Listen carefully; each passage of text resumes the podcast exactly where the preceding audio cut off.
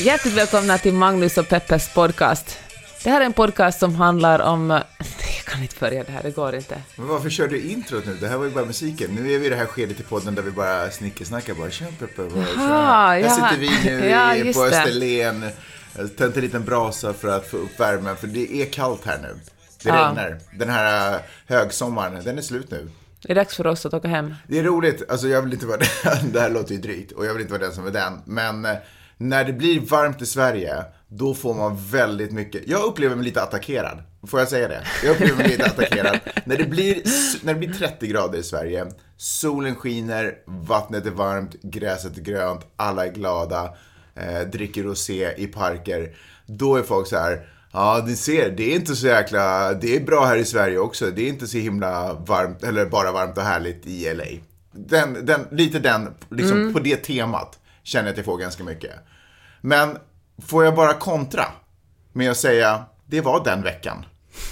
Det var den veckan. Gud vad du är dryg, Nu är, det, nu är det kallt igen. Nu är det kallt igen och nu sitter jag här och tänder en brasa precis på samma sätt som jag gjorde i december. Men jag vill också tillägga att det är inte bara för vädret som man flyttar hemifrån. Nej. Kan man också bara tillägga det. Skitsamma, hur är läget Peppe? Det är bra, Magnus. Trivs du i Skåne?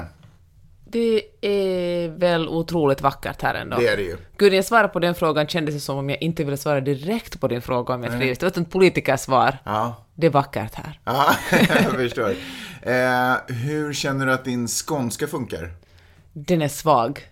Alltså vid två olika Mm. Hur långt tillfällen... är skånskan ifrån finlandssvenskan? Ja, men de är väl, de är väl så långt ifrån varandra, det svenska språket man kan komma. För i Stockholm, eh, det är ju så här klassisk grej, när finlandssvenskar kommer till Stockholm, går ut, pratar, då får de svar på engelska. Eller beröm för hur bra svenska de pratar. Har du fått några liknande kommentarer i... Och, och sen kan man också märka att folk har väldigt svårt att förstå vad du säger. Eh, Du har till exempel gjort några intervjuer som jag har hört och då, då är det som att de säger va? Det måste vara något fel på tråden här för att jag hör inte riktigt vad du säger. Men Det är så sjukt, för Mm. den finlandssvenska svenskan är ju en väldigt klingande ren svenska. Jo, jag vet, men det här är ju en frekvens... Det är en frekvensfråga mer. Man är liksom inte intunad till den dialekten. Det, för mig är det ungefär samma sak som att lyssna på amerikansk och brittisk engelska, som jag känner att jag har ganska bra koll på. Men när en australiensare pratar, så jag är liksom inte... jag Du är inte förberedd. Jag är inte förberedd och jag är inte i synk med tonaliteten. okej, liksom. okej, jag köper det. Ge det ett tag, så sen så är man ju där liksom. Men hör du, så här kanske då, eh, jag tycker faktiskt att stockholmare har svårare att förstå min svenska Mm. än uh, skåningar. Skåningar förstår inte jag, men det verkar som de förstår precis varenda ord jag säger. Men stockholmare, de bara, vad fan, vem är du? Prata Det normalt vore ju människa. jätteroligt om ingen av er förstod varandra. Men ni står ändå och pratar på för att ingen vill avslöja bluffen. Det vore alltså verkligen så här kejsarens nya kläder. Alla båda bara står och pratar och bara ja, ja, ja, jättebra. Ja, men, eh, men Skåne är ju väldigt härligt. Alltså, Mm. vi är här i vårt lilla hus och fixar och pynjar och... Ja, men för att, vänta nu Peppe. Nu har vi kommit förbi det här skedet i, i podden där vi liksom bara lite snickesnackar under låten. Nu måste vi ta in en jingel och sen så ska du få ge presentationen. Okej, okej, okej. Nej, kan du göra den? Jag kan inte göra den. Nej, men jag sitter för långt ifrån micken. Okej. Okej.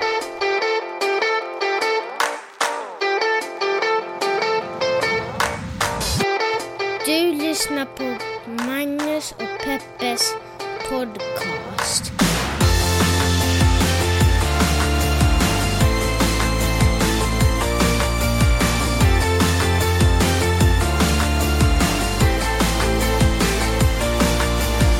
Hjärtligt välkomna ska ni vara till Magnus Peppes podcast. En podcast där vi talar om de stora och de små sakerna och vi gör det ur ett feministiskt, journalistiskt och mediegranskande perspektiv. Vänta, Magnus... medie eller media? Mediegranskande. Du tänker att vi siar in i ett medium? Ett medium är väl ett annat sak, en men annan sak. Om du ett tänker på medium en ägnar väl sig åt medie? Mediagranskande perspektiv. Säger du att det ska vara så då? Men vad ägnar sig, ja det tror jag nog. Vad, vad ägnar sig ett medium åt annars? Men ett medium, det är ju till exempel Dagens Nyheter ett medium. Alltså en form av media. Sen kan Men ett medium ett också vara en medium, ju ett spågumma. Eh, Dagens Nyheter är absolut inget medium, det är ett media. Så måste det väl ändå vara. Jag kan tänka mig att de Språkvetare som lyssnar på den här podden, hör av er. hör av er och ger mig rätt för en gångs skull. Jag tycker att det är väldigt ofta när det är diskussioner och vi är lite oense så, så är det du som får, ja, du hade rätt Peppe. Ja, vad tror du det beror på då? jag vet inte. Mm. Men du höll på att berätta om hur fantastiskt det är att vara i Skåne. Vi har inte bara varit i Skåne, ska jag väl också tillägga. Vi har ju varit i Norden nu i ett par veckor. Nästan tre veckor. Nästan Tre veckor. Vi har gjort lite Stockholm, vi har gjort lite Helsingfors, vi har gjort lite Predium som är eh, en liten eh, hamn eh, utanför Ekenäs i den finska skärgården. Och nu är vi alltså nere i Österlen ska vara här ett tag till. Sen så gör vi om det här igen. Egentligen. Vi gör två sådana här varv per, Ja. per sommar. Det är ju helt sjukt faktiskt. Det är fantastiskt roligt. Ja, skitsamma. Ehm, ja, du är här nere, du trivs, du kan inte förstå skån, skåningar och skåningar kan inte förstå dig. Men ändå vill du till Danmark. För att det är en stad. Köpenhamn är en stad. För, Börjar du få lappångest ja, ja, ute på landet? Ja. lappångest, det är verkligen inte Nej, jag tror ett man- accepterat nej. ord. du är rädd. Du är rädd. För det första är det inte ett ord, men om det var ett ord... Nej, för lappsjuka är det man brukar prata när man... Just det, förlåt. Nej, jag, jag, jag inser Stugångest säger vi nu för tiden. Jag insåg att det var hemskt många, i så få ord så var det hemskt många ord som var fel. Ja. jag ber om ursäkt, jag menade inte att provocera, det var, det var 80-talet som rann ur mig. Ja. Vet du hur många män som säger det där dagligen? Nej, det tror jag inte. Jag lovar att aldrig säga lappångest Ja, mer. bra. Jag lovar hör- att inte ens konstruera fördomsfulla och exkluderande Tack, ord. tack. Det uppskattar jag. Hör du, eh, nej men så är det faktiskt lite. Hur mycket jag älskar att vara här och kan uppskatta vidderna och kossorna, inte minst hästarna, så känner jag att jag är faktiskt en person som ska bo i en stad. Alltså jag, det är för lite människor här ute på landet. Och då, tyck, då alltså trivs jag väldigt bra att bara sitta och få vara i fred. Men det är någonting med den där vetskapen om att uh, allt är tillgängligt som jag verkligen älskar med städer.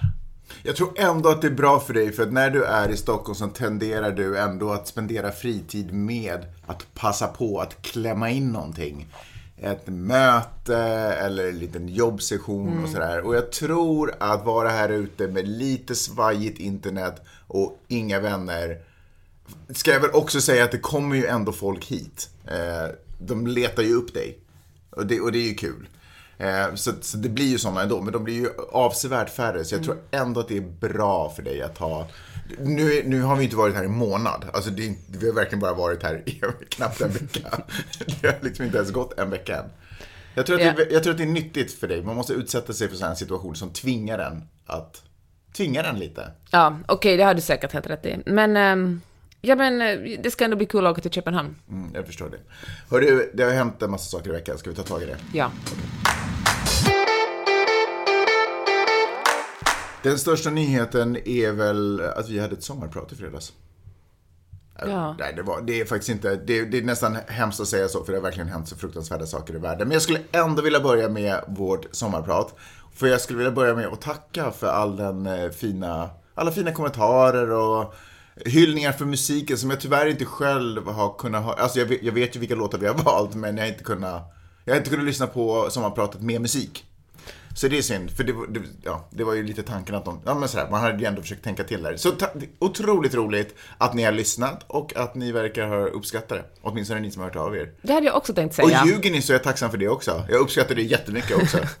Nej, men jag tänkte säga att hur mycket det betyder när någon tar sig tid att skriva eh, några meningar om de har lyssnat på sommarprat eller läst min bok eller... Det är jätte, jätte, jättefint. Så jag vill också tacka er som gjorde det. Det var otroligt, det, det har ju varit en jättelång eh, dröm för ett tag sedan, men ändå ett goals kan man väl ändå få säga. Eh, för mig att få göra sommarpratet. För dig är det ju gammalt. Du har ju gjort det förut. Det är ju liksom old news. Men eh, det är, det är, alltså, det är en sak att drömma om att få göra ett sommarprat. Och en annan sak att sätta sig ner och fundera på, men gud, vad ska jag på riktigt prata om som är som möjligen kan vara intressant för någon annan människa. Just det, nu slår det mig att det blev till och med dålig stämning mellan oss när vi skulle skriva det, för vi Blev hade, det? olika, Ah, vi hade olika strategier för att skriva det. Just det, berätta. Och, eh, nej, men jag kommer ihåg, det blev jättearg när jag sa att sätt dig bara ner och skriv, och sen redigerar vi i efterhand och skriv det du känner, skriv historia, det, alltså, folk vill ju mycket hellre höra om konkret något som hände än bara en känsla. Och så att vi pratade om det och du var så att men herregud Peppe, så där jobbar inte jag. Och sen eh, var det dålig stämning en stund. Förresten, i det här fallet vill jag också skicka en shout-out till Linn Ljung som var vår, vår Redaktör. redaktör. Otroligt bra kvinna. Det hade inte blivit gjort utan dig Linn. Tack så hemskt mycket. Ja, jag minns, jag har nog förträngt den här dåliga stämningen. Men det blir, alltså det blir ju press. Alltså, inte bara att formulera vackra och fina meningar, vilket jag absolut inte kände att jag lyckades göra. Men bara, alltså det blir ju, lampan sätts ju, på, spotlighten sätts ju på, du ska vara intressant nu. Man bara, åh herregud, jag är ju verkligen inte intressant. Vem går omkring och känner att den är intressant, förutom Elon Musk? Men liksom sådär, känner att den är intressant, det är ju konstigt drag alltså. Men det är kanske ett tecken på någon slags eh, narcissism. Om man går omkring och känner gud vad intressant jag är. Eller, ja, fan det är ju... eh, Alltså, mm, ja. Men, men här är väl ändå fördelen med sommarpratet att det är någon annan som kontaktar dig som har gjort den bedömningen, tänker jag. Och sen får jag bara luta mig in. Så där tänker jag ofta om, eh, jag kommer, alltså så när man hade jobb eh, och arbetsuppgifter. Och då, då kommer jag ihåg att många av mina kollegor, eller några av mina kollegor, kollegor kunde känna en press att gud, har jag levererat tillräckligt bra material? Eh, och så har de gjort sin grej och sen har liksom chefen tittat på det eller lyssnat på det och bara, ja men det här är bra, det här sänder vi eller det här publicerar vi. Eh, och, eh, och så kan de ändå känna så här, men gud, var det här tillräckligt bra? Och där har jag nog alltid varit den sortens typ som känner att om det finns en person som har som arbetsuppgift att granska mig, om den personen, om det går igenom det filtret, då är jag godkänd och då släpper jag det liksom. Och därför känns det, det hade varit dumt om jag hade varit tvungen att anmäla mig själv till sommarpratet och sen göra allting själv.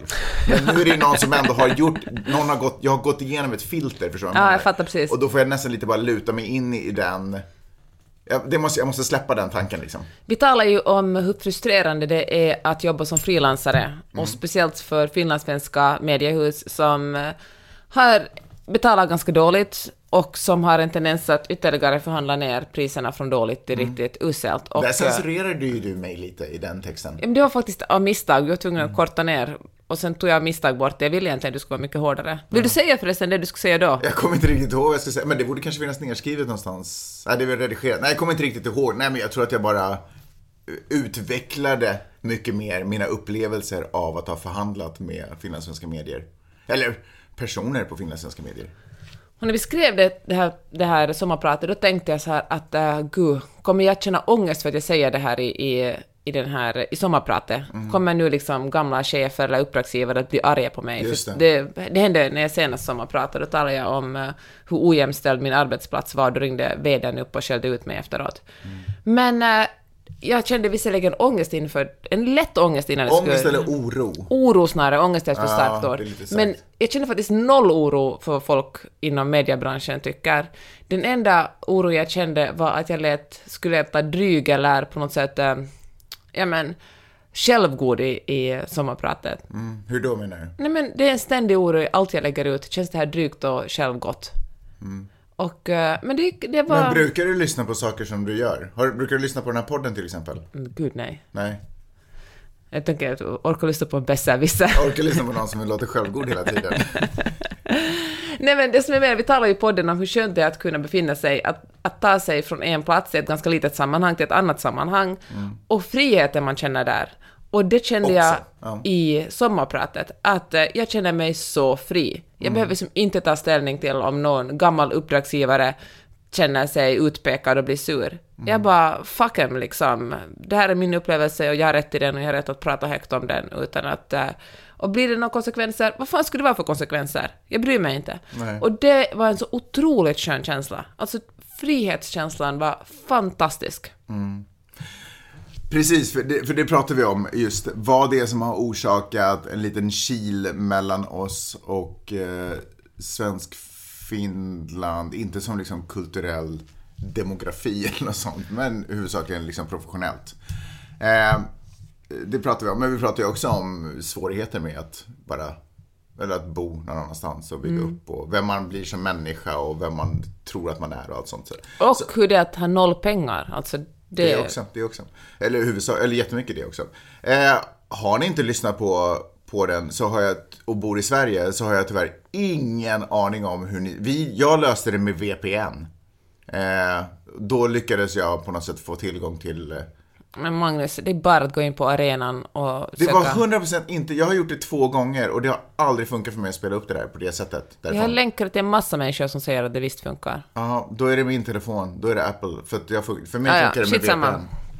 Skitsamma, om ni har tid och ork så får ni jättegärna lyssna och höra av er och säga vad ni tycker och tänker. Kanske ni delar eh, erfarenheter, kanske ni har diametralt motsatta Kanske ni tycker att vi låter dryga och självgoda. Ja, då ber jag om ursäkt för det, men det behöver ni inte meddela. Och sånt, för det, någonstans det utgår vi ifrån.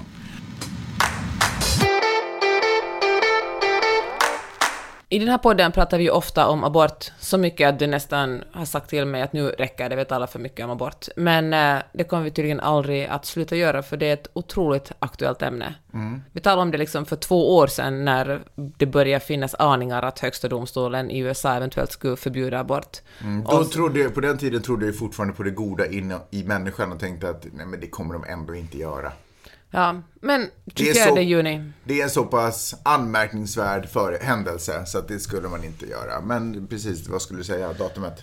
Nej, men 24 juni beslöt ju högsta domstolen i USA att delstaterna själva får bestämma om abort är olagligt eller lagligt. Och eh, det var det en massa konservativa delstater som hade något som heter trigger laws, alltså lagar som var färdigt förberedda, men de gick inte att genomf- genomföra eftersom de stred mot grundlagen. Men så fort eh, det kom en förändring av tolkningen på grundlagen kunde de göra de här lagarna aktuella. Så, och så var det trädde gjorde. de i kraft. Precis. Och eh, de eh, konservativa delstater som uh, egentligen vill förbjuda abort men ännu inte hade sådana här trigger laws, de satte genast igång processen och började förbereda dem. Och man räknar med att eh, ganska exakt hälften av eh, delstaterna i USA kommer att helt förbjuda abort. Sen med lite olika justeringar, alltså vissa kommer att se det som helt förbjudet, andra kommer att ha så, här så kallade hjärtslagslagar, där man eh, så fort man kan känna att det finns någonting som slår där inne i, i kvinnans eller personen som är gravids mage, då är det, då är det, då är det förbjudet att abortera det, och så vidare. Och eh, det här är ju ett otroligt stort steg bakåt för USA som fritt land. Alltså det här begränsar ju kvinnors möjlighet att bestämma över sina egna kroppar. Och är fruktansvärt deppigt. Och eh, det är någonting som, alltså man tänker på Irland, där abort var förbjudet i många år eftersom det var ett katolskt land, de har en mycket mer liberal abortlagstiftning. De har en liberalare abortlagstiftning nu än Finland till exempel. I Finland finns det ju fortfarande en ganska sträng, alltså de flesta, de, så gott som alla som vill göra abort får göra abort, men i Finland måste man ge, uppge en orsak. Man måste säga att av ekonomiska skäl, av sociala skäl, det är liksom inte bara att bestämma själv om man vill ha en abort eller inte. Strunt samma. Men, Men här, kan, kan en läkare avslå orsaken? Jag tror det är jättesvårt att man måste involvera liksom också andra myndigheter för att kunna göra det. Men, eh, men kanske, tekniskt sett kanske en läkare, men då måste det vara medicinsk. Men typ så här, Ja. man kommer in, man är uppenbar, alltså inte för att man kan se det på folk, men sådär, man kommer in och visar sitt ba- bankutdrag och där står det 500 miljoner euro. Och så säger man, nej men jag vill ha bort av ekonomiska skäl. Då får man det avslaget. Ehm, jag tror kanske man inte ska göra så, men jag fattar frågan. Fan, jag- nej, men nej, men nej, jag tror att man nog ändå får det på något Ja, sätt. okej. Men det kanske inte är strategiskt det bästa sättet att börja. så. alltså, obviously, men du förstår. Ja. Okej, men i USA, alltså, det, alltså jag menar är att USA backar när det kommer till mänskliga rättigheter. Vad vilket sjukt scenario det vore. man, egentligen så hela syftet med den diskussionen är att man bara vill skryta med hur mycket pengar man vill ha. Eller hur mycket pengar man har. Okej, ja förlåt. Ja, och sen passa på att göra en abort liksom, Ja, samtidigt. exakt. Okej. Ja, jag fattar vad du menar. Det Okej. här känns liksom inte rätt. Okej. Eh, så där pratar ingen, Magnus. Jag har liksom bara 500 miljoner euro här. Okej, Okej. men då finns det strategier såklart, vilket är otroligt... Alltså det är bra, men också otroligt deppigt att det finns strategier. Då tänker kvinnor så här som måste göra abort eller vill göra abort, att de åker till en annan delstat. Vissa, de här konservativa delstaterna, för, håller på att kolla in möjligheterna, går det att förbjuda kvinnor att åka till en delstat, göra en abort och komma tillbaka? Bor man till exempel i Mississippi kanske det blir olagligt att utföra en abort i Kalifornien, eller någon annan delstat där det är lagligt. Och då undersöker man att kan, på vilket sätt kan man straffa kvinnorna. Och uh, det finns ju otroligt många hemska konsekvenser, men om man ser det liksom ännu lite längre, att bli straffad för ett brott gör ju ofta att eh, man förlorar sin rösträtt. Mm. Och eh, kommer Och det... jobbrätt. Men precis, man förlorar massa, mäns- massa rättigheter. Och det är ju ytterligare ett lager av att ifrånta kvinnor sina, sina medborgerliga rättigheter. Och, och många abortkliniker har varit, alltså, varit tvungna att stänga såklart. Många av dem har flyttat till gränsen, för det finns delstater där det fortfarande är möjligt att man kan åka från, säg, man åker från eh, Alabama till en annan delstat och gör en abort vid gränsen och så åker man tillbaka. Vilket ju är jobbigt och alla absolut inte har råd att göra det här för det kan ju vara att du måste resa liksom i flera dagar för att göra det. Men eh, de här försöker man också stänga och göra olagliga så det inte ska... Men man vill verkligen kontrollera kvinnor så de föder de här barnen. Och eh, det som eh, man nu hoppas på såklart är att demokraterna, demokraterna kan ju inte göra någonting åt högsta, domstolens beslut, alltså domstolen och politiken ska ju åtminstone, åtminstone ska de vara åtskilda, det är ju de inte i praktiken. Men åtminstone att hjälpa, hjälpa delstater att stifta lagar som gör det lite lättare att gå runt på något sätt det här abortförbudet. Som till exempel att göra det möjligt att beställa abortpiller. För de allra, allra flesta aborter görs genom att man tar två stycken piller. Först tar man ett piller och sen lite senare tar man ett till och de och det här funkar upp till en viss vecka, det är alltså relativt tidiga aborter, hoppas jag inte ljuger, alltså men nej, alltså ja. Säg Men håll dig, gör det sådär, Ja. istället, till skillnad från ja. sommarpratet, håll dig till det du vet någonting om. Åh, så fräckt. Nej men jag tänker på att det finns ju, alltså när man talar om fri abort, det här fattar ju alla, så har, du, har man ju sagt abort fram till en viss vecka tills fostret klarar sig utan för, för kvinnans, eh, eller personen som är gravids kropp. Och eh, jag fattar att det här låter som en självklarhet, men jag känner att det är därför jag börjar tveka, för jag känner att jag är tvungen att säga det, för att många republikaner går ut och säger att, att, eh, att demokrater vill att abort ska vara tillåtet ända tills liksom, förlossningsdagen. Att det, de vill döda bebisar, vilket ju inte är sant, och vilket känns som en absurd lögn. Men ibland när man upprepar en absurd lögn tillräckligt många gånger så förvandlas den långsamt till en sanning. Och det var därför jag började känna att jag var tvungen att säga det. Hur som helst, Men sen ska man också säga så här att allting sker ju under solen, så det kan ju ha funnits extrema fall som där det har varit absolut fara för moderns liv. Inte fan vet jag. Ja. Fara för massa människor. Jag vet inte, men alltså extrema fall. Men då tar man liksom den lilla pralinen, höll jag på att säga, fast den liksom antipralinen från det fallet och använder det som någon form av generell argumentation. typ så här gör alla kvinnor. Ja, det här Ja. är liksom, det här är vad alla vill att alltid ska ske. Liksom.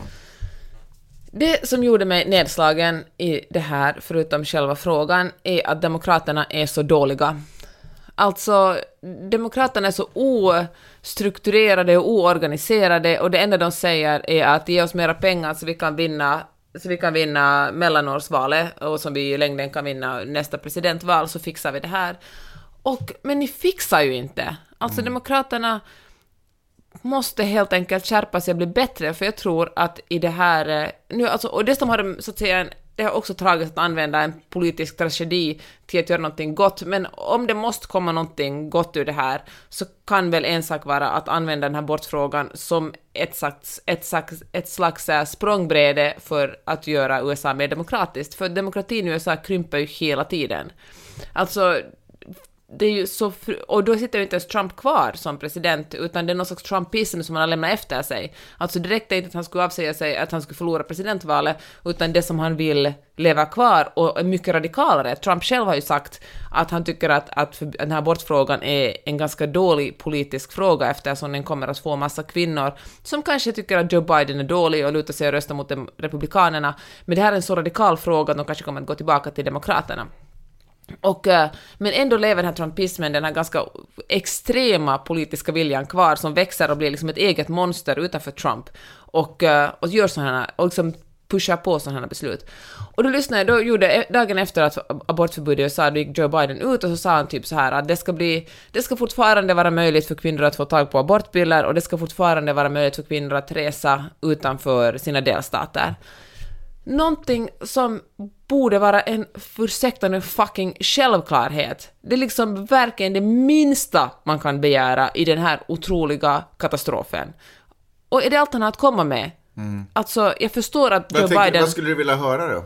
Okej, jag förstår på ett sätt så här att Joe Biden, han ska vara hela landets president. Han kan inte vara liksom demokraternas president, trots att han är en demokratisk presidentkandidat, men hans ansvar är hela landet. Men jag känner ändå att han borde säga så här att vi måste Ja, men vi måste verkligen se över, det går det här emot mänskliga rättigheter? Vi måste undersöka det här vidare. Vi måste alltså, man måste kunna hjälpa kvinnor på plats bättre än att säga att eh, vi ska jobba så mycket som möjligt för att inte kunna begränsa er rätt att lämna era delstater för att göra en abort. Det är helt oacceptabelt.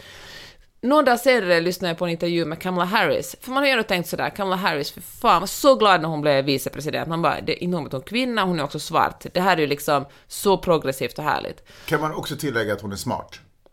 Hon är smart, men fuck, jag lyssnade på en intervju på NPR med henne där hon var så fruktansvärt dålig. Här försökte den här Mm. Jag tror att den här journalisten... nya titeln har förlamat henne. Ja, fan vet jag. Alltså, men varje svar hon gav var ett sånt politikersvar. Hon var så där, hon fick en fråga på hur, hur hon tycker att Demokraterna ska göra för att, eh, för att, för att behålla kongressen. Och hennes svar är att eh, alla måste, alla måste rösta och donera pengar till Demokraterna. Det var liksom, det fanns inte en enda politisk... ehm, alltså hon, hon kunde inte säga en enda sak Inget jävla som... damma. Nej, ingen jävla namn, men också inget konkret, inget så här, för att om ni röstar på oss kommer vi att göra det här och det här och det här och det här. Det sagte hon också, hon är vicepresident, kanske hon kände att hon inte kan representera bara Demokraterna, men hon fick en direkt fråga, vad tycker du att det partiet som du är medlem i ska göra för att, för att eh, förändra det här, för det bättre för kvinnor, så kunde hon bara säga att alla måste donera pengar till oss. Och när journalisten visade Började stora... gråta? Vad hände? Jag tycker det är så fruktansvärt. Jag tycker det är verkligen en sån otrolig katastrof det som sker i USA just nu med kvinnors rättigheter. Och, eh, men, men- och att det inte finns någon person på en framstående plats inom Demokraterna som kan jobba för det här. Som inte kan ena Demokraterna, som inte kan visa på någon strategi, utan det är bara ett jävla lallande omkring där alla tycker att man ska donera pengar till Demokraterna och sen löser vi det. Ja. Och de verkar ju inte lösa det ändå fast de får pengar. Nej, det är just det. Åh, vad deppigt. Och, alltså, vi fick ju nyligen green cards och det känns faktiskt så här att för vilken deppig period i USAs historia att få green card. Och jag fattar ju, det, det har ju funnits deppigare såklart, jag vill verkligen inte säga att det var bättre förr. Men jag tänker så här, tänk att man under Obama, när Obama talade om the Affordable Care Act, tänk om man ska få det då, då skulle det varit fest, för då kändes det som om USA verkligen rör sig åt rätt håll.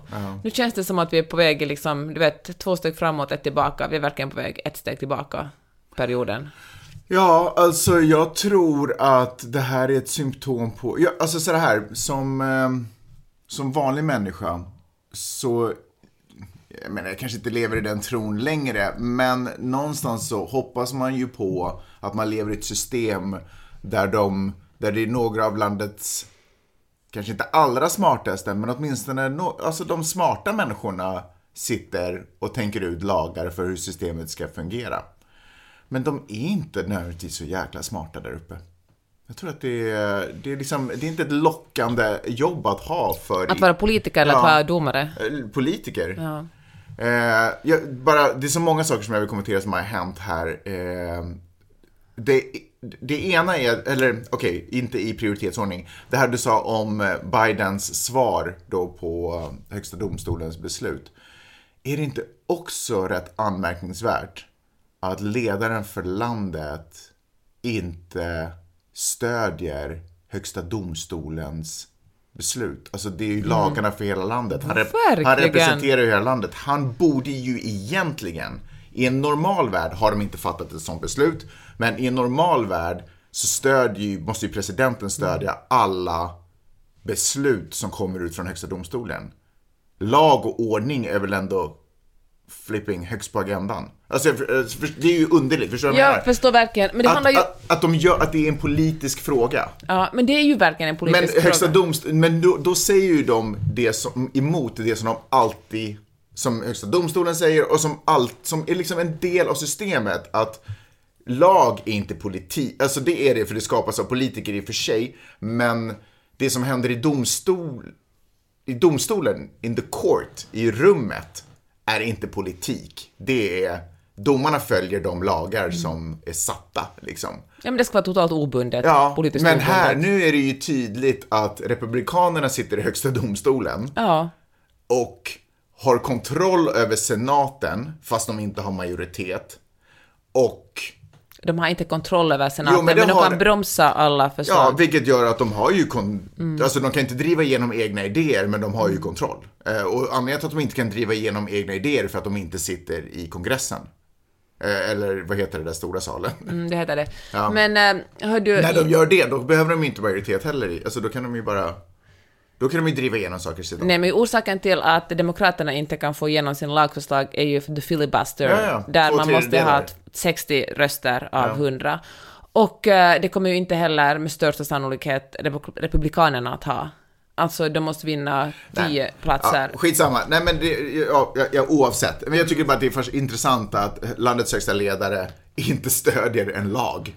Men det handlar ju också om att de här... Och försöker underminera den lagen genom Ja. att säga vi ska ändå göra det Ja, till dem. Man bara, verkligen. Eh? Det är faktiskt anmärkningsvärt. Men också att säga att det är helt opolitiskt. Det handlar ju i att högsta domstolen ska ju agera opolitiskt, men det är ju presidenten som utnämner domarna. Mm. Och Trump fick ju en chans att utnämna var det två eller tre stycken domare? Alltså Kavanaugh och eh, Amy... Tre stycken domare Ja. fick han möjlighet att utnämna. För att den ena jäveln inte, eller för att Ruth faktiskt. Ruth Bader Inte för att hon Ginsburg. inte resignade utan hon gick och dog under Trump.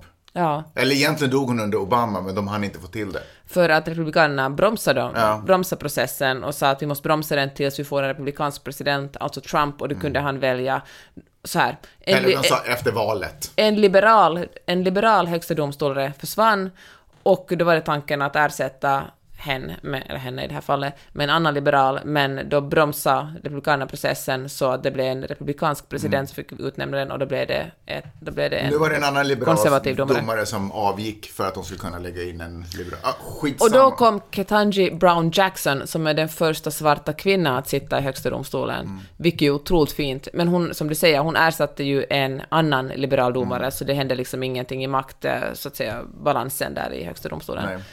Nej, men det är verkligen an- anmärkningsvärt deppigt, för att högsta domstolens jobb är ju att tolka konstitutionen i praktiken. Man kommer med, man säger i den här lagen, någon, en delstat vill, fatta, vill stifta en lag och så högsta domstolen, strider det här mot konstitutionen eller är det okej med konstitutionen? Och sådana saker kan man, eh, det som man tyckte för 30 år sedan eller för 50 år sedan kan ändras. De bara att nej men den här tolkningen var fel. Men det som är otroligt sällsynt är att man tar bort en rättighet. Ofta brukar man göra så här, nej samkönade äktenskap, det är okej. Men att vara så här, men nu kvinnor kommer vi ta bort en av våra rättigheter, det är otroligt ovanligt. Fast det där är ett liberalt sätt att beskriva situationen på. Därför att så har de ju naturligtvis inte argumenterat. De har ju inte pratat ifrån att nu ska vi ta bort en rättighet från kvinnor. Utan det de har valt att göra är att ta någon form av religiös tolkning av, eller filosofisk, grundad i religion, eh, tolkning av vad liv är. Och alla har rätt till liv i USA, eller liksom ish, hur det nu står uttryckt.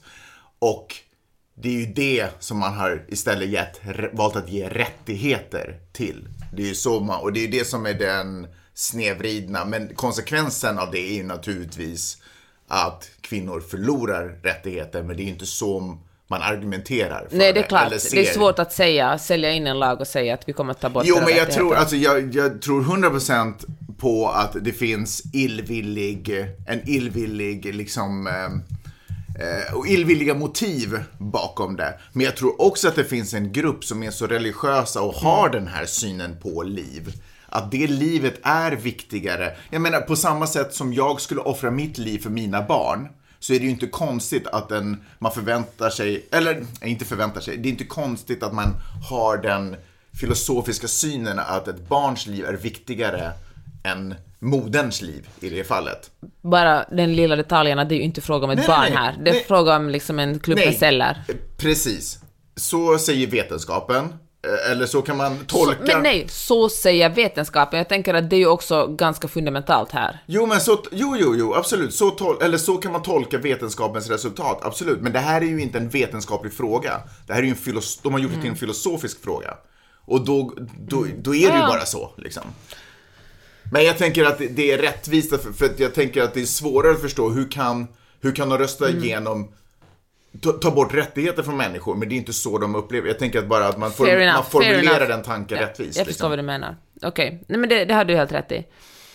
Men det här landet är ju upp och ner. En annan grej som jag också har tänkt, jag tror att jag sa det förra gången vi poddade också, och det är ju att jag tycker att Demokraterna skulle göra sig en stor jävla... För, för en av anledningarna till att det ser ut på det här sättet är ju för att Republikanerna har lyckats switcha spelregler, de, de demokratiska spelreglerna till sin fördel.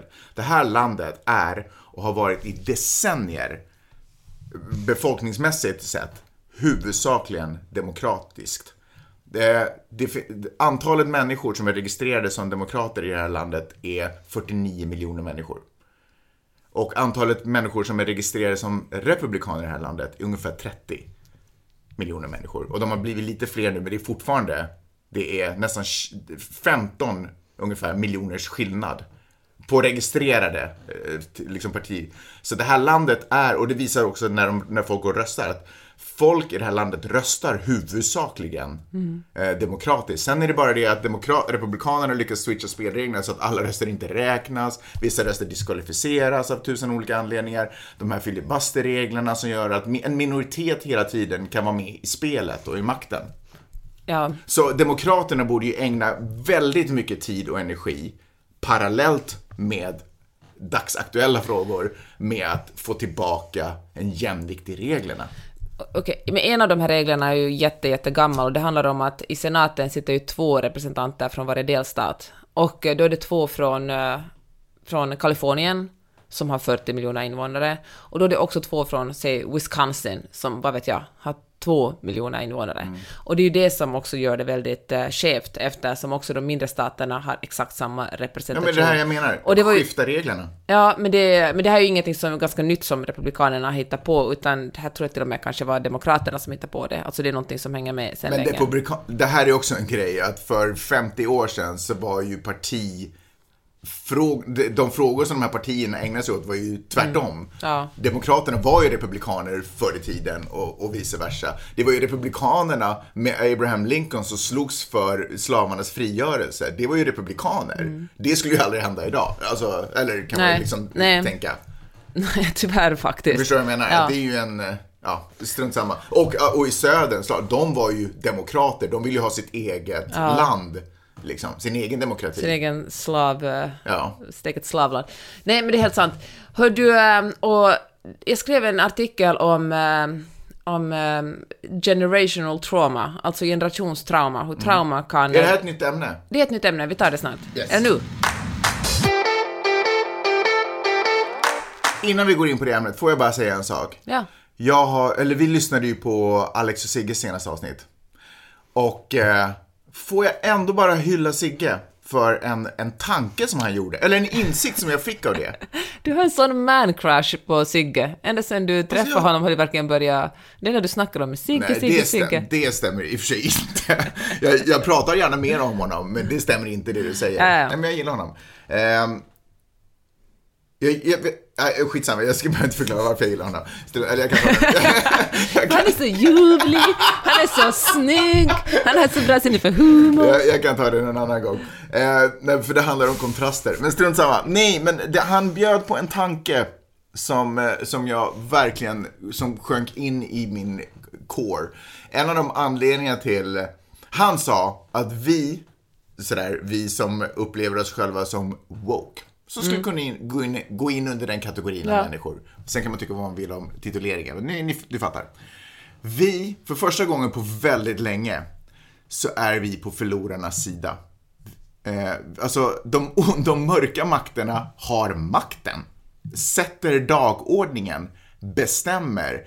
Och det är sjukt lite just nu som vi kan göra någonting åt det. Vi kan protestera och skrika och vara arga förstås och vi kan kämpa och sådär. Men vi är 100% på förlorarnas sida. Och så har det ju inte varit och jag har inte tänkt på att det inte har varit så därför att jag har varit mitt i det. Förstår du vad jag menar? Vi har gjort de stora segrarna. De skedde redan på 60-70-talet och sen har vi liksom levt i glansen, kanske 80-talet också, sen har vi levt i glansen av det. Eh, och nu är, har plötsligt the tables turned. Och nu är man på förlorarnas sida. Och att den känslan, och han sa också, också så här att, och det här är ju vad de på andra sidan har känt sen typ 60-talet, eller när nu liksom stora reformer och sånt har gjorts liksom. Eh, och nu är de äntligen så här, woho! Liksom, nu fick vi vårt, som finnarna, för nu fick vi vårt OS och VM-guld liksom äntligen efter alla år av förnedring liksom. Nu menar jag att det finns, whatever, ni fattar min argumentation. Den tyckte jag, den skänk, sjönk, alltså den kändes. Den kändes. Okej, du tänker så här till abortfrågan och att man också men det- snackar om att förbjuda samkönade äktenskap och liksom transpersoner ja, och han förlorar tog- rättigheter i USA. Precis, alla de här äh, saker som man har tagit, så här, vi är på väg, vi har hela tiden tar steg som inkluderar mer och mer människor. Men också, han nämnde också att Ryssland helt plötsligt är så här, fuck you väst, så här kommer jag göra. Nu rullar jag in här. Och sen kan man argumentera för att det inte går bra för Ryssland, att de inte gör dem, men det är ju fortfarande fucking murder där nere. Som ryss, och det, det sker inte på rysk mark. Det är inga ryss, alltså soldater, ja, men ni förstår vad jag, du förstår vad jag menar. Det här är ju Putin som gör vad han vill, liksom. Och västvärlden vågar inte göra någonting riktigt annat än att skicka in vapen och sådär. Men om västvärlden var, om vi hade varit det vinnande laget, då hade vi varit där inne, ställt en mur av soldater vid, vid eh, Belarus och ryska gränsen och ryssarna hade inte vågat göra ett skit. Därför att vi har också kärnvapen. Förstår du vad jag menar? Men nu är det inte så. De äger oss just nu. De sätter dagordningen. Vi går och gnäller över att vi har höga bensinpriser och mår psykiskt dåligt. Sådär, för att de äger oss. Ja, jag tyckte det var fascinerande. Och det, men den tänker jag, den, den insikten kan jag använda. Jag kan nämligen bli ett, jag, måste, jag kan acceptera att jag är på den förlorande sidan. Och sen så kan jag börja titta på hur ska jag vända det här.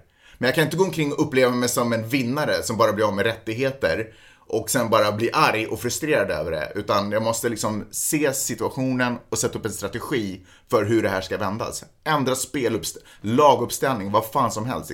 Precis som det som vi sitter och pratar om. Vad håller, nu plötsligt inser man ju, vad fan håller Demokraterna på med? Vilka lallare är de? De blev ju inte lallare i år. De har ju varit lallare hur länge som helst. Det var det att vi har varit på vinnande sida, så det har inte spelat så stor roll vad de har pysslat med.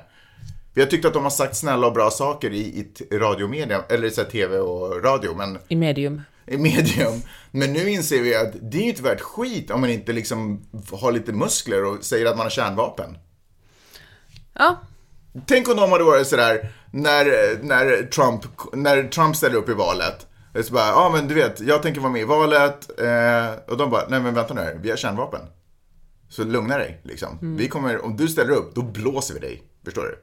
Att man är liksom lite på. Istället, det vi gjorde var, vi var så självgoda så alla skrattade åt det. nej men det är sant. Och om man ska basha Demokraterna lite mer så handlar det ju också om att de är så jävla ängsliga. De är med sådär, "Åh, om vi ser så här då förlorar vi kanske en röst till, till Republikanerna. Så vi säger att vi är lite vänster men också lite höger. Men vet du vad det också beror på? Att vi som är så jäkla, eller den här um, avarten av the woke, är ju att vi vänder oss mot vem som helst. Vi vänder ju oss ju också inåt. Republikanerna tenderar att vara lite mer en, de försvarar ju sina Men- dumma beslut in i det sista. Men är inte ett sunt demokratiskt tecken? För att annars, Jo. det, annars blir det ju en sekt. Sant, alltså en sund här- organisation är sant. kritiserar sig själv, försöker Det är utvecklas. sant, men det här är inte en sund tid. Förstår du? Om vi ska gå i krig mot någonting, då kan vi inte slåss inombords. Och då kan vi, det får vi göra sen när allting är bra. Då har vi struk- Men om man är i en katastrofal situation, då måste man blåsa sina inre konflikter. Då är man lojal inåt. Så det är som när du och jag bråkar om det verkligen kommer till krisen. Ja, då är vi där på min sida. Vi har lagen, här går gränsen. Nej, jag tänkte säga att då blir vi ett team. Ja, vi, när ja. det verkligen är kris, då brukar vi ju tycka om varandra. Nej, igen. men jag tycker att det är ja, otroligt viktigt att man liksom, eh, man förstår vad det är för tid. Vi är inte inne i den här lyxtiden där vi har råd och lyx att sitta och fundera på hur vi ska uttrycka oss snyggt och, och, och diskutera. Vi har inte råd att attackera varandra längre. Okej. Vadå viftar du med fingret? Ska jag prata klart? Nej, du bara pratar, jag ska tala om generational trauma och du bara vänta, jag ska bara säga en kort sak och sen Om pratar du Sigge. 20 minuter om Sigge och hur smart han är. Ja, nu är podden i alla fall slut. Tack för Nej! Tidigare i, eller i våras skrev jag en artikel om eh, generationstrauma, hur trauma kan leva med en eh, i flera generationer. Det som våra farföräldrar, till och med farföräldrars farföräldrar upplevde kan finnas med oss. Och det handlar inte om någonting liksom magiskt, utan det handlar helt enkelt om att om man är uppvuxen i en familj där det finns något sorts trauma, så kan det trauman komma över till barnen. Och i Finland har vi till exempel, jag tror jag talade om det här på podden, men jag drar det snabbt, alltså Finland har många av våra far och farsföräldrar, eller många äldre generationer stred i kriget mot ryssarna, och eh, så kom de här unga männen tillbaka från fronten, har varit med om fruktansvärda saker, fick nästan ingen som helst hjälp, alltså en läkare kunde säga har du är traumatiserad, men vila ut det så blir det bra. Och många självmedicinerade sig med alkohol, många blev våldsamma eftersom de hade upplevt så mycket våld, och eh, för mig var en aha-upplevelse att många av de här människorna emigrerar ju sen till Sverige, eller deras barn emigrerar till Sverige, och de hade ju med sig den här ångesten. Det var barn som hade vuxit upp i en familj med föräldrar som var våldsamma och alkoholiserade, de upprepade det här mönstret, reste till Sverige för att få ett bättre jobb, för Finland var ju så himla fattigt på den tiden eftersom vi var tvungna att betala så enormt mycket krigsskadestånd till Ryssland. Och eh, där i Sverige, där föddes den här bilden av finnar som, eh, som full, fyllon med kniv. Senast igår var det någon på Twitter som skojade någonting om att om vi träffas, ta, ta inte med dig kniven då. Alltså det är verkligen, det sitter djupt, den uppfattningen om, och därifrån kommer uppfattningen om finländare. Hur som helst, vi talar om USA i den här podden, och för mig det här kanske säger om hur dum jag är, men för mig var det en aha upplevelse hur generationstrauma också sitter i svarta i USA. Man kan säga sådär, men vadå, vi har haft en svart eh, president och eh, alla har, det finns inga Jim Crow-lagar längre, så ni borde vara fine.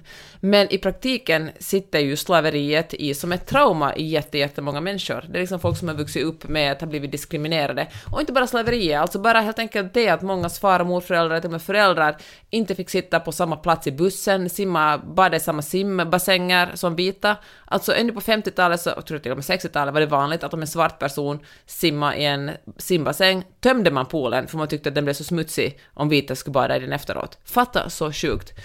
Ja, men bara hur de blir behandlade på stan, alltså kunde bli alltså, puttade och så, ger. Alltså bara hur man, ja, nej, vidrigt. Och den här rasismen finns ju kvar fortfarande. Alltså det kommer ju en ny, alltså det är ett trauma, ett pågående trauma, men det finns också ett trauma från flera generationer tillbaka.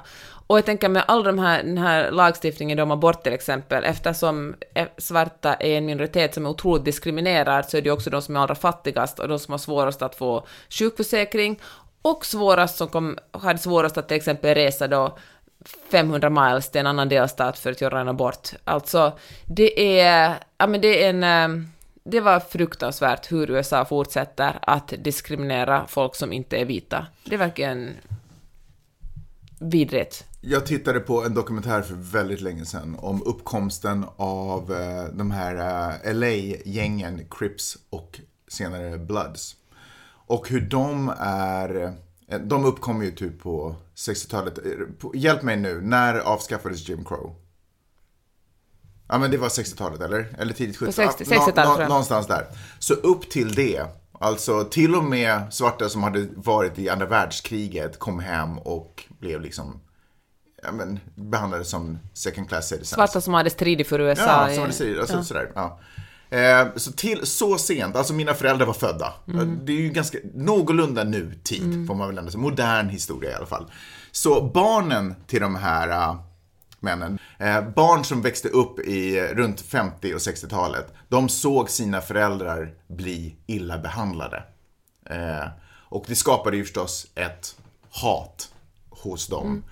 Och eh, med The Times of Change och Jim Crows avskaffande så hade de så mycket ilska och frustration att de liksom helt enkelt bara de ville ta, behövde ta tillbaka makt så de började gruppera sig som liksom sådär, och pojkgäng har väl funnits längre än så, det är väl inte det, men men det var, liksom, det det var liksom en konsekvens av att ha sett sina föräldrar bli pissade på. Liksom. Så man ville, ha, man ville kräva tillbaka respekten och makten och det var på något sätt någon form, någon sån psykologisk grej som till och med gav upphov till de här gängen. Tänk om, tänk om folk hade varit schyssta mot varandra. Det hade vi liksom inte... För det är all den här förnedringen som skapar. Och jag tänker också att, helt ärligt, det här liksom, det vi ser nu, konsekvensen av den här abortlags, kanske också en konsekvens av en förnedring som andra människor har upplevt. Eh, att man inte har tagit dem på allvar. Att man Vad inte, menar du nu? Eh, att, att, eh, vi, Men, menar du det här att vita människor tycker att det är lite jobbigt, eller vita män tycker att det är lite jobbigt att kvinnor och latinos och svarta börjar få lika mycket makt och pengar som de, vilket, alltså det är en enormt lång väg ännu, men att det finns någon sorts skräck för att förlora det man tycker att man förtjänar eftersom man är vit och man, och man därför börjar stifta strängare lagar för att hålla andra på sin plats. Eh, Jag ska återkomma till det där, men jag vill ändå bara säga om just det här generational trauma fan också, nu kommer jag inte ihåg vad den boken heter, men den var fantastisk. Eh, hur fascinerande det, och hemskt det är att man verkligen kan leva med. Och, och, och i svarta familjer så har det ju också varit så att i, ända sedan slaveriet börjar så har ju familjer också tvångsmässigt splittrats. Antingen genom att någon har avrättats eller bara sålts till någon annan. Så de här familjerna har ju hela tiden, generation på generation, slitits isär. Och nu sitter ju jättemånga svarta i fängelse, så det fortsätter ju det här. Ja, det fortsätter slitas. Eftersom svarta döms mycket hårdare än vita. Precis. Och eh, förstå att komma från, ha ett släktband där du tittar tillbaka på dina föräldrar slets isär, deras föräldrar slets isär. Alltså, det... Nej men bara tänk dig själv om du har en familj och den nu ska slitas isär för att någon annan bestämmer. Alltså vilken... Det är, vi, det är fruktansvärt, fruktansvärt, fruktansvärt vidrigt. Men det här du sa, eh, är det synd om vita nu därför att det är så här? Nej, det är klart att om man tittar på det uppifrån och med en överblick så är det naturligtvis inte... Vi vita har ju alltid varit på vinnande sida från det, ur det perspektivet. Men folks upplevelser av sina egna liv är ju ändå deras verklighet. Och jag tror att man kanske har lättare att nå samförstånd med en viss förståelse och respekt när man närmar sig en sån diskussion istället för att säga så här fucking snap out of it, du har haft makten så här länge, släpp lite av det. För det är ju också, jag menar det är ju inte en generationstrauma, det är ju inte den nivån vi pratar om det. Men det är ju fortfarande en rädsla som man måste hantera och förklara att det här är ingen fara. Det här är inte makt ifrån dig. Det här är, Men det är ju det. fast det är det ju inte, världen är ju stor nog att... Nej, det är ju exakt vad det är. Alltså, det där är också en... Alltså, det kanske är någon slags strategi att säga så, fan jag vet, jag vet inte om jag tror, håller med dig om det, men det är ju exakt det, alltså män måste helt enkelt step aside. Alltså, och det tror jag Men att det kommer många... aldrig ske, det vägrar jag. Ska. Men, och det är det som händer just nu, att män börjar, vita män börjar inse, herregud, så många andra människor det är som, eh, alltså vi är ju väldigt vita och män här, och som vill ta vår Vi är plats. väldigt vita och män här. Okej, så har ingen man, någon vit man någonsin tänkt. Vi är väldigt många. Det som är det satt i morgonstudion i Finland, satt det ett gäng med fyra män och diskuterade abort i USA. Alltså, att det, alltså Finland som är bara, hej, vi är superjämställda, men det här är de personer som ska diskutera abort. Visst är det, så det är det är verkligen inget konstigt. unikt problem för USA det här. Men ja, fan, jag tror faktiskt att det är miss, det som du just beskrev, är det misstaget som eh, Demokraterna håller på med. De är bara, ingen får bli arg, ingen får bli arg, alltså ni är med vita män, vi ska respektera er, men skulle, det, visst skulle det vara trevligt om vi andra också hade mänskliga rättigheter i samma mån som ni. Fan, det funkar inte. Jag tänker på det du sa om killgäng som driver runt på gatorna. Fan, nu är det dags för tjejgängens tid. Oj. Ut på gatorna och eh, helt Beväpnade. enkelt ta makten. Beväpnade. Nej, för alltså jag vill, någonting med vill, vill säga, säga det, ja. men jag kan inte göra det för, För det går ju inte. för Nej. nästa grej jag ska tala om handlar precis om det. Ja. Men eh, alltså, för att våld är ju bara fucking män som sysslar, det är ju ni som sysslar med våld. Alltså, ni ska ha ihjäl alla som inte tycker som ni. Ja, fan, vet du vad? Det, det där leder mig, nu börjar vi ju ha en lång podd här på Ja. gång. Men jag skulle faktiskt vilja fråga dig om en sak, just apropå våld och nyhetsrapporteringen kring det. För det har ju varit hemska masskjutningar överallt på jorden nu. Eh, Okej, vi kör. Nu med, eh, nu var det ju igen skjutning i USA, det var till och med en skjutning i, i Danmark. Eh, och det var ett knivmord i Sverige, i Almedalen. Högerextremister på några av platserna i alla fall, jag vet inte Danmark exakt faktiskt. Men eh, är jag ute och cyklar eller om jag känner att det är en liten copycat-våg. Att folk inspireras av att skjutningar helt har spårat ut i USA och det vill jag också göra lite här. Eh, Inte Sverige då, för eftersom det var knivgrej, men whatever. Våld som våld. Ja. Um, ja, fan, jag tycker det är svårt att säga. Jag tror det är lätt Men- så men- att ens hjärna vill koppla ihop saker för att det är enkelt att koppla ihop dem. Så jag tänker att det delvis är ja. Ja. Men att det också finns en tendens att man har ett bias när man börjar läsa om en sak så blir andra saker som påminner om den saken extra stora. Så kan det också vara. Men om jag ändå får leka med tanken att, eh, på, inte på grund av, eller det här är väl egentligen också kärnan i min fråga, men så här, det har rapporterats om eh, skjutning på skjutning på skjutning på skjutning i USA. Det, har- det har ju axat upp i tempo enormt. Det kan ju, alltså det kan ju inte bara vara att, rapporter, att det rapporteras mer om det, utan det är också mer nu. 4th of July var det säkert två... Highland Park i Ja. Chicago. Och någon annan ställe också var det ju, alltså det är ju liksom, det är ju överallt hela tiden. Fast det sker ju faktiskt masskjutningar hela tiden i USA. Alltså jag vet Ja, att... men okej, men låt mig komma till min, Mm. egentliga, min egentliga fråga. Eh, jag, jag leker i mitt huvud att det här har inspirerat någon i Köpenhamn att också ta till vapen och springa och skjuta vilt i en folkmassa. Eh, och då är det så här, den personen gör det för att den har läst om alla de här sakerna. Några personer i USA gör det också för att de har läst om att det här är ett koncept. Det här är någonting man kan göra och man kanske till och med får ut sitt namn eh, där. Så min fråga är, skulle det vara bra journalistiskt att inte rapportera om det här, sådana här saker på ett tag? Uh, nej, alltså jag tycker inte... Du tänker så här som med självmord, att man inte som journalist skriver någon Ja, precis, för där har man dör av självmord. Bra att du tar upp det exemplet, för där har man ju ändå gjort det beslutet att man inte vill inspirera, man vill inte vara bidragande faktor till att det här blir en trend. Nej, jag tycker så här, istället ska man rapportera om, inte rapportera om vem det var som, det ska man också såklart skriva om, men fokus Vänta, på offren. Alltså man ska skriva vem var det var som dog i de här, istället för att på något sätt skriva det var en ensamvarg, han gjorde det ena och det andra, det var terrorism.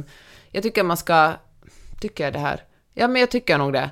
Att, alltså, journalister kan inte censurera sig och skriva, man kan inte sluta skriva om någonting för att det då Alltså det är ju censur, alltså det finns, man kan inte censurera sig själv. Nej men det tror- kan man ju inte göra, men hjälp, alltså på vilket sätt hjälper, vi, hjälper det här situationen att, Att det är skriva om... människor som dör. Att det är vanliga, riktiga människor som dör. Det är någons det farfar, fin- det, är någons eh, Jo. syster, det är barn. Alltså. Ja, okej, så för att hedra dem så borde journalisterna skriva om dem, eller? För att mänskliga göra dem. Det är inte en fiende, det är riktiga människor. Ja, okej, men det, då är det två saker, saker som ställs emot varandra.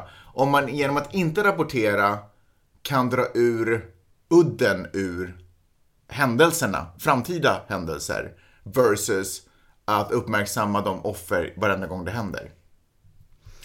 Ja, jag, vet, jag känner alltid en Är stor... du, är du solklar i att det ska alltid rapporteras? Nej, alltså, fan, jag, jag är solklar klar mot att journalister måste vara väldigt noga med vad de väljer att censurera, för jag tror att själv, självcensur är ett jättefarligt för en demokrati. Sen, eh, alltså jag, jag tror verkligen att man kan inspireras av varandra, och jag tror verkligen att allt snack om vapenlagarna och det bara liksom, att vapenlagarna i USA blir liksom lösare är ett, som också högsta domstolen fattade ett beslut om nyligen, är ett jättestort problem. Och eh, det var någon som skrev på Twitter som i morse som jag läste, som jag tänkte på mycket, att det här handlar ju också om demokrati i längden, om folk inte vågar ge sig ut. Om det liksom känns mycket farligare att samlas i grupp. Alltså, det här var ju en, en 4th of July-parad, det var ingen politisk parad på så vis. Men om man känner att, att det är helt enkelt en för stor risk att demonstrera för aborträtten eller för liksom svartas rättigheter eller för vad som helst, som hette, som, samma sak som hände i Charlottesville 2017-2016 med de här vita högerextrema männen som gick omkring och, och skrek “Jews will not replace us” och en av dem körde in i en motprotest och dödade en kvinna. Alltså, det här gör ju att folk funderar en extra gång om de vill absolut. utnyttja sig av sin demokratiska rätt att protestera. Det tror jag är ett problem. Men jag är väldigt... Jag måste, det är en bra fråga, jag måste fundera på det där. Men jag spontant säger jag att nej, man ska inte låta bli att rapportera. Alltså, men man ska fundera noga på hur man rapporterar. Ja, spontant säger jag kanske ja. Man ska kan... Nu när det verkar som att det här, som att det har liksom tagit eld, eh, eller om ni förstår vad jag menar, så tänker jag att man nu lägger locket på på de rapporterna. Men det är ju klart, det är ju sinnessjukt om det är liksom tusentals människor som flyr. Det är ju konstigt sådär att man inte sen berättar om att det har hänt. Men, Och då men, blir det också ett botten för konspirationsteorier. Varför skriver inte... För det kommer ju att finnas någon som filmar det med sin telefon ändå, så kommer det att spridas. Och det är väl därför det är bättre kanske. Okej, så nu när vi ändå Men till exempel, alltså... Precis, för, där, för det, den nyheten kommer ju ändå komma ut. Så det kanske det är bättre att man är on top of it liksom. Och att eh, det är journalister som skriver om det. Alltså förklarar sammanhangen och förklarar vad som händer. Inte att det enda informationen man får är från folks sociala medier, egen upplevda. För vill verkligen inte förminska det som man upplever själv och kanske det som man själv filmar. Men det journalistiska arbetet handlar om att förklara saker, sätta dem i sitt sammanhang. Inte bara att säga exakt nu hände det och sen gå. Utan förklara, för att utan förklaringar så betyder nyheter ingenting. När ser vi en kvinna som eh, är ute och skjuter? Uh, det kommer såklart att hända, och då kommer alla de här, eh, liksom, då kommer killarna att vara så här, men kolla, kvinnor gör också det, trots att det är en på hundratusen. Men uh, det kommer verkligen att vara en på hundratusen. Alltså det är ju Det har mest... inte varit någon än va? Nej, jag tror faktiskt inte det. Men, eh, men alltså ett jätte, jättestort problem är unga män. Alltså, och därför är det så otroligt sorgligt att USA, högst, alltså högsta domstolen, det, det har varit förbjudet för, alltså viss sorts vapen har varit förbjudet för män under 20 att uh, köpa, men att det, det tog, och kanske köpa och till och med bära, men högsta domstolen fattade ett beslut om att alla som är över 18 ska ha rätt att köpa vilka vapen som helst i praktiken. Mm. Och uh, det är ett, i alltså i många, på många ställen, jag tror att vi talade om förra gången också, men i till exempel Kalifornien och Hawaii och flera delstater och i Illinois hade varit, har man varit tvungen att vänta, om man ska köpa ett vapen måste man vänta en viss tid, det kan vara liksom allt mellan en vecka till tre veckor innan man får hämta det vapnet. Och då kanske man har, om man är jätte, jättearg, kanske man har tid att lugna ner sig och fundera på vad man egentligen håller på med. Men det här tycker också högsta domstolen att går emot grundlagen. Mm. Ja, kul tider. Gud, vi måste sluta med Det något är nice att vara gladare. förlorare. Får man sätta sig ner och skissa på hur man ska vända det här. Ja, men jag tänker också att det viktiga är att man inte förlorar hoppet, utan man tvärtom gör åtminstone det bästa man kan i det lilla. Vad gör du? Vad sa du? Vad gör du? Jag eh, klipper poddar. Så gott jag kan. Jag försöker klippa poddarna så att de inte bidrar till hets. Mm. Och eh, illvillighet. Folk frågar ju ibland om ett green card innebär att man får rösta, och det innebär det ju inte. Man måste vara medborgare. Men man att- får köpa vapen. Ja. Jag verkar USA ett nötskal. Mm. Du får inte delta i den demokratiska processen, men det är det är okej om du vill köpa ett vapen. Och på så sätt delta i den demokratiska processen. Fast inte demokratiska kanske då. Nej, sant.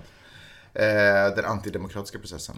Hör du... Ska äh, vi runda av med de glada orden? Nej men vad deppigt, ska jag inte säga någonting glatt ännu? Finns det ingenting roligt att rapportera om? Eh, det finns faktiskt ingenting, så här är det att vara på förlorarens sida, det finns faktiskt ingenting roligt att rapportera om, men det finns fortfarande glädjeämnen i livet, men de är mer personliga nu. Och de kan man klamra sig fast vid, de är inte obetydel, de är inte betydelselösa bara för att världen ser ut som det här. Men de ska inte heller ta bort, fokus, ta bort fokus från att det finns mycket att göra nu, därför att vi är inte vinnare längre.